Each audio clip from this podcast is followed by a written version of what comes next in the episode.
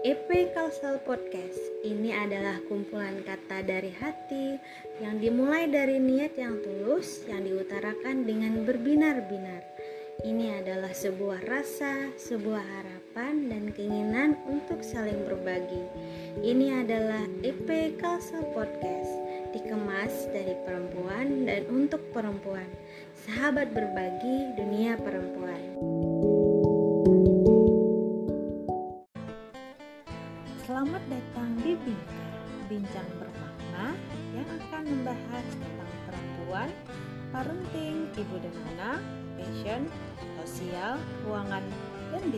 Yang dikemas lewat podcast Hima Ibu Profesional Kalimantan Selatan bersama saya Sri Maulida tentunya akan menghadirkan perbincangan yang bermakna dan menarik setiap bulannya.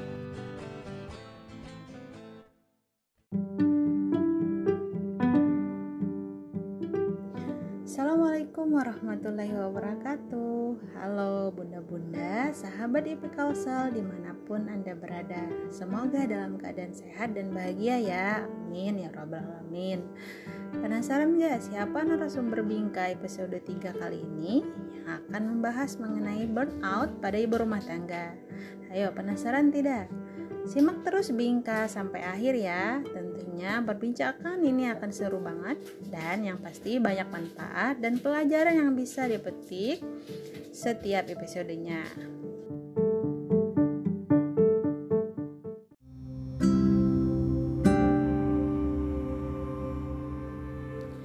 Hai bunda-bunda, saat ini kita sudah bersama narasumber nih Tentunya teman-teman EP Castle pasti sudah nggak asing lagi nih dengan beliau.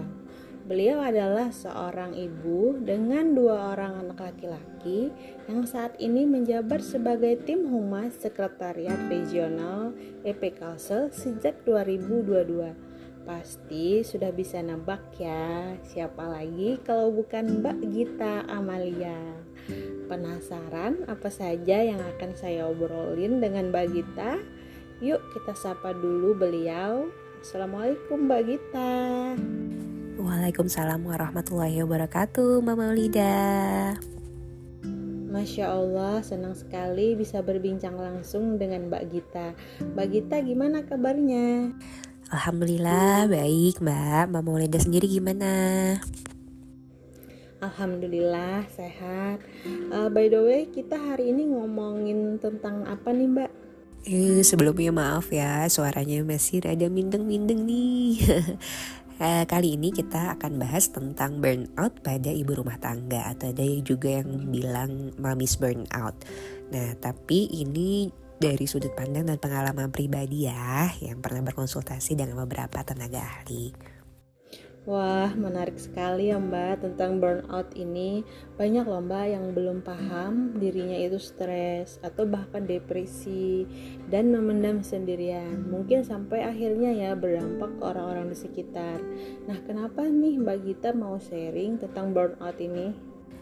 Oke, sebelumnya saya pengen note dulu ya bahwa saya di sini bukan sebagai tenaga ahli, tapi hanya berbagi pengalaman dan pandangan karena memang pernah struggling mengalami hal ini. Nah, kita, uh, saya dulu ya uh, sebagai ibu rumah tangga pastinya pernah mengalami rasa stres atau stuck.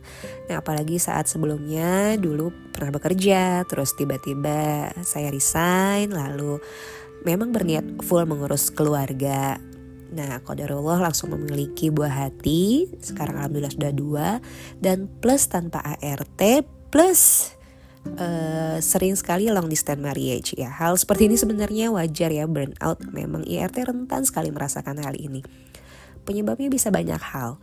Bisa masalah hormonal, kelelahan yang sangat, uh, tidak ada support system atau masalah yang memang uh, tak kunjung selesai. Jadi RT itu rentan ya Mbak sama burnout ini. Nah, kira-kira apa ya Mbak ciri-cirinya? Apakah ada gejalanya terlebih dahulu? Mungkin diawali dengan stres gitu Mbak? Oke, betul sekali Mama Ulida. Jadi kalau kita stres ya, hal-hal yang mungkin kita rasakan adalah yang pertama merasa lelah dan butuh istirahat. Lalu yang kedua bosan, seperti tidak ada semangat lalu merasa terpenjara pada kegiatan sehari-hari mungkin nih IRT apalagi misal di rumah aja nggak ke mana-mana gitu ya uh, lalu merasa kurang fokus, tidak bisa konsentrasi. Nah, tapi stres dan stuck ini bisa diringankan atau dihilangkan dengan istirahat, jalan-jalan, shopping misal atau melakukan hobi-hobi yang kita suka. Nah, jika sampai dalam tahapan burnout nih, uh, memang tidak bisa digeneralisir ya, tapi kemungkinan uh, bisa sampai merasakan hal-hal berikut, misalnya stres berkepanjangan gitu lalu lelah secara fisik, emosional, dan pikiran. Terus kehilangan minat dan motivasi pada apa pun, termasuk mengasuh anak sendiri gitu. Jadi kayak disorientasi gitu ya. Lalu tidak bisa mengatur diri sendiri. Nah itu tentu uh, efeknya ke mana-mana ya. Gimana kita bisa ngatur keluarga gitu. Kalau maksudnya kita nggak bisa handle diri sendiri. Lalu yang terasa banget di saya adalah mudah marah untuk hal-hal sepele. Ini kan efeknya buruk ya ke anak-anak dan ya aduh strugglingnya ini ya Allah susah banget. Nah hal-hal ini tidak kunjung membaik gitu meskipun sudah banyak istirahat atau bahkan sudah banyak tidur. Oh iya, jadi ada bedanya ya Mbak antara stres dan burnout ini. Nah, balik lagi nih Mbak, kenapa sih Mbak Gita mau membagikan tentang burnout ini terutama nih ke bunda-bunda khususnya ibu rumah tangga. Ya, kenapa saya uh, pengen banget share hal ini gitu ya karena di luar sana banyak sekali ibu-ibu yang mungkin mengalami hal yang sama tapi dipendam gitu. Dipendamnya kenapa? Mungkin karena takut dijudge atau bingung gitu ya. Lalu ada perasaan denial gitu. Uh, ibu tuh harus sempurna nggak boleh lelah nggak boleh capek. Dan memang sepertinya kita hidup di budaya yang di mana kayaknya ibu itu harus kuat gitu. Atau mungkin sebenarnya ada kondisi kita sudah merasakan sudah mencoba cerita gitu ya sama suami sama keluarga atau orang-orang terdekat tapi tidak ditanggapi dengan baik gitu ya tidak ditanggapi di, atau disupport gitu. Nah kadang bahkan mungkin dianggap hal sepele lah wajar kalau ibu lelah gitu. Terus ada yang bilang kurang bersyukur bahkan ada yang bilang juga kurang iman dan lain sebagainya. Padahal kan ibu ibu ya seorang ibu kan manusia biasa ya. Apalagi dengan misalnya peran baru yang kita juga masih buta jalaninnya sebagai seorang istri dan seorang ibu. Ya ya para bunda ya harus kita garis bawahi bahwa it's okay loh not to be okay gitu. Nah bener banget mbak. Nah lalu bagaimana nih mbak kalau misalkan kondisi burnout ini dibiarkan? Nah, kalau kondisi-kondisi tadi di atas ya yang kita rasakan atau kondisi burnout itu terus-menerus dibiarkan, bukan tidak mungkin akan mengarah ke depresi. Dan depresi itu kan hal yang sangat kompleks ya.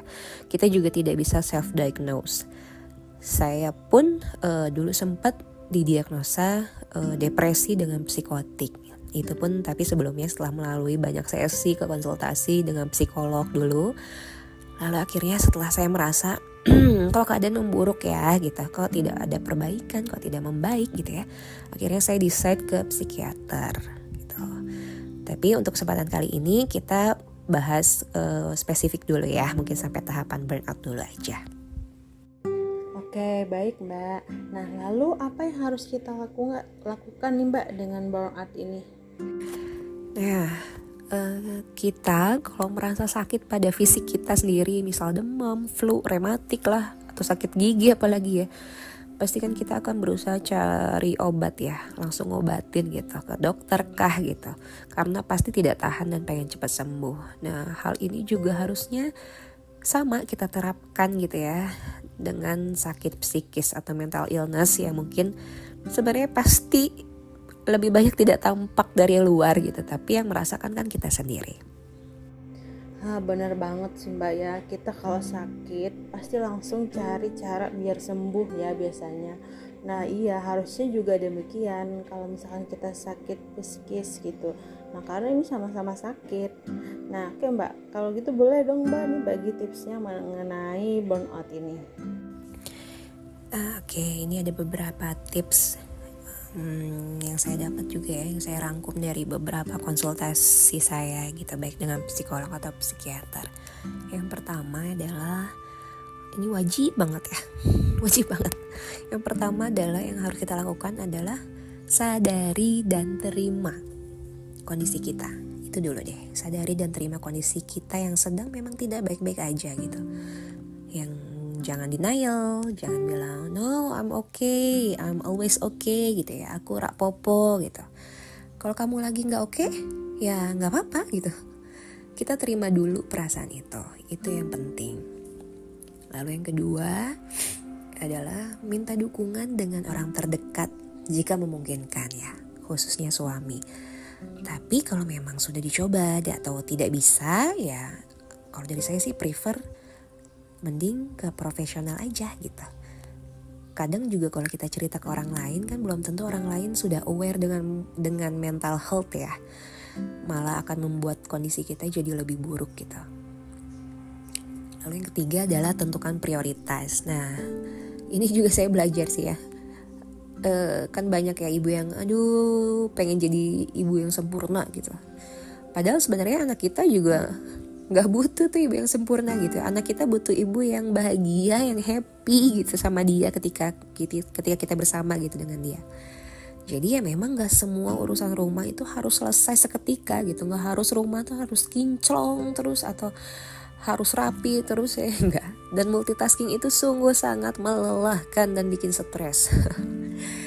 Jika memungkinkan kondisinya um, minta bantuan atau orang gitu ya dalam menjaga anak dan urusan domestik. Tapi memang kalau kondisinya tidak bisa ya berarti kita memang harus komunikasi dengan pasangan bagaimana solusinya gitu. Lalu yang keempat ini juga yang bisa dan pernah saya coba gitu ya dan masih saya lakukan sampai sekarang. Kita belajar teknik pernapasan dan relaksasi sederhana aja sih sebenarnya sediakan waktu khusus untuk kita bisa meet time ya. Bukan keluar rumah tapi meet time di sini kayak ada waktu hening khusus buat kita gitu. Misal kalau saya um, bangun tidur setelah atau setelah setelah subuh gitu ya atau sebelum tidur saat anak-anak sudah pada tidur gitu. Jadi waktu kesendirian kita itu kita belajar tarik nafas panjang gitu ya. Sambil kalau saya biasanya tepuk-tepuk dada saya sendiri visualisasikan selalu bahwa kita ini berharga gitu saya mencintai diri saya saya layak bahagia gitu ya jangan sampai ada perasaan bahwa kita ini tidak berharga gitu itu benar-benar memperburuk keadaan sih Nah ini sebisa mungkin kita lakukan terus menerus gitu ya agar masuk ke alam bawah sadar kita gitu. Jadi setelah kita konsultasi juga ya kita juga ke diri kita sendiri kita menanamkan self love gitu. Ini penting sekali dan memang harus terus menerus sih. Lalu selanjutnya ini kalau misalnya seperti saya ya amarah sulit sekali ditahan gitu ya dilawan. Sebisa mungkin kita cari pelampiasan dengan cara yang aman gitu yang tidak menyakiti anak-anak dan orang lain. Jadi misal kalau saya lagi nggak kuat banget ya ya ambil waktu gitu sendiri sebentar gitu ya ya coret-coret kertas, robek-robek kertas atau mukul bantal atau meremas uh, bola atau meremas bantal gitu yang ada di depan di depan kita gitu. Jadi intinya cari cari pelampiasan emosi yang dengan cara yang aman. Selanjutnya juga bisa journaling ya. Nah ini sih masih PR juga sih buat saya karena kurang konsisten. Sebenarnya simple aja gitu maksudnya journaling ini kita buat catatan setiap kita merasakan emosi. Misal, duh hari ini saya marah sama siapa atau saya kesal dengan siapa. Tuh anak-anak susah banget dihandle hari ini dan lain-lain gitu. Ya namanya emosi intinya kita salurkan dan kita keluarkan. Jadi biar tidak terpendam terus-menerus di dalam diri kita gitu. Lalu last but not least juga jangan lupa kita minta dan mohon sekali ya lindungan dan kesembuhan dengan pencipta kita. Oh ya, salah satu alasan saya juga mengikuti ibu profesional ya, saya pengen punya komunitas yang positif dan alhamdulillah banget um, terasa dan dapat di sini. Begitu Bang Maulida, maaf ya lah banyak ya. Wah, banyak banget ya bunda-bunda tipsnya dan sangat bermanfaat sekali. Nah, lalu gimana nih Mbak? Kalau semua tips yang udah Mbak Gita sebutkan tadi sudah kita laksanakan, tapi masih tidak berpengaruh, nah itu bagaimana? Nah, jika semua hal di atas tidak berpengaruh dan malah kondisi makin terasa parah gitu ya. Terasa tidak membaik gitu, mulai menyakiti diri sendiri bahkan menyakiti orang lain, saja saya sih ayo jangan ragu ngobrol dengan ahlinya. Pasti insya Allah rasanya lebih plong sih. Jangan dengarkan orang yang bilang, wah ke psikiater pasti gila ya. Berarti orang itu memang belum aware dengan yang namanya mental health gitu seperti dia aware dengan kesehatan fisiknya dia. Malah kalau kita cerita kanan kiri yang belum tentu bisa kasih solusi gitu ya, yang mendingan kita cerita ke orang yang lebih profesional gitu. Yang pasti there's no perfect human. Ya percaya deh ya, kita semua setiap kita punya kondisi sulit dalam versi kita masing-masing. Saya pun sampai saat ini masih terus bertemu dan konsultasi dengan dokter saya dan memang ya namanya proses healing itu tidak instan ya dan take a long time. Benar mbak, setuju saya. Jadi tidak ada manusia itu yang sempurna. Oke, baik Pak Gita, terima kasih banyak atas sharingnya hari ini. Semoga menjadi masukan buat bunda-bunda yang mungkin saat ini mengalami stres atau burnout atau bahkan sudah dalam tingkat yang parah ya Mbak ya. Oke, semoga bermanfaat. Terima kasih Mbak Gita. Sama-sama Mbak Maulida, senang sekali bisa berbagi di sini. Semangat ya para ibu di luar sana. Kalian berharga, kalian dicintai, and you are deserve to be happy. Yang pasti, yuk jangan biarkan diri kita sendiri menganggap bahwa kita ini tidak berharga. Itu aja pesannya. Terima kasih ya Mbak Maulida. Sama-sama Mbak Gita.